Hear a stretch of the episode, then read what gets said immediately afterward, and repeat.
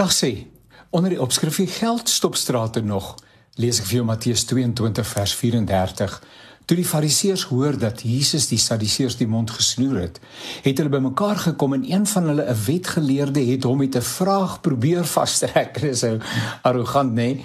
Meneer vra hy, "Wat is die grootste gebod in die wet?" En Jesus antwoord hom, "Jy moet die Here jou God lief hê met jou hele hart en met jou hele siel en met jou hele verstand, beteken met jou hele mens wees." Dis die eerste en die grootste gebod. En die tweede wat hiermee gelyk staan is jy moet jou naaste lief hê soos jouself. In hierdie twee gebooie is die hele wet en die profete saamgevat. Dalk is ons omgewing die uitsondering, maar waar ek woon word stoptekens se muur en robotte oortuigend ignoreer. Dis anders as wat sommige sou wou verdedig. Dis nie net taksies nie, maar dis die hele spektrum van voertuie, duur en gewoon.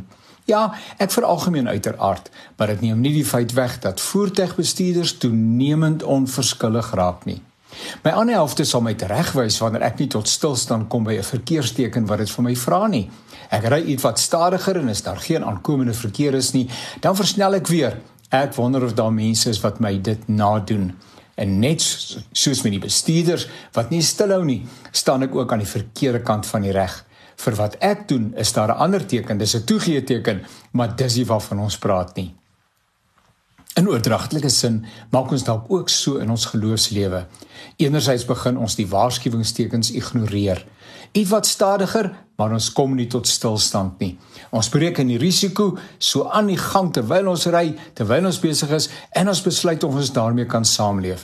En as die risiko nie te groot is nie, dan waag ons dit. Maar die probleem is wanneer daar ander motor aankom by wyse van spreuke en die bestuurder net soos ek redeneer, dan het ons 'n probleem.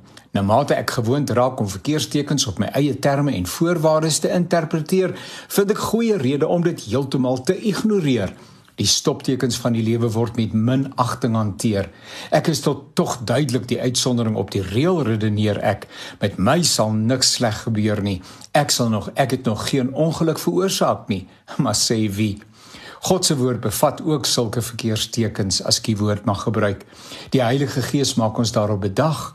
Ons wonder hoe die Gees daaroor voel as ons hier en daar ons eie interpretasie aan God se verkeerstekens toedig. Die 10 gebooie in die Ou Testament is uh, so 'n voorbeeld van daardie verkeerstekens. Dit geld tog eweseer vandag. Geen ander god nie. Respek vir gesag, respek vir privaatheid. Dalk is jy bewus van waarskuwingstekens wat die afgelope tyd in intensiteit toeneem. Jy moet al hoe harder beklei om dit nie raak te sien nie. Jou verskonings droog op en jy weet die Gees praat met jou. Waarom wil jy in elk geval onverskillig oor die stopstraat ploeter? Dis gevaarlik vir jou en vir ander mense.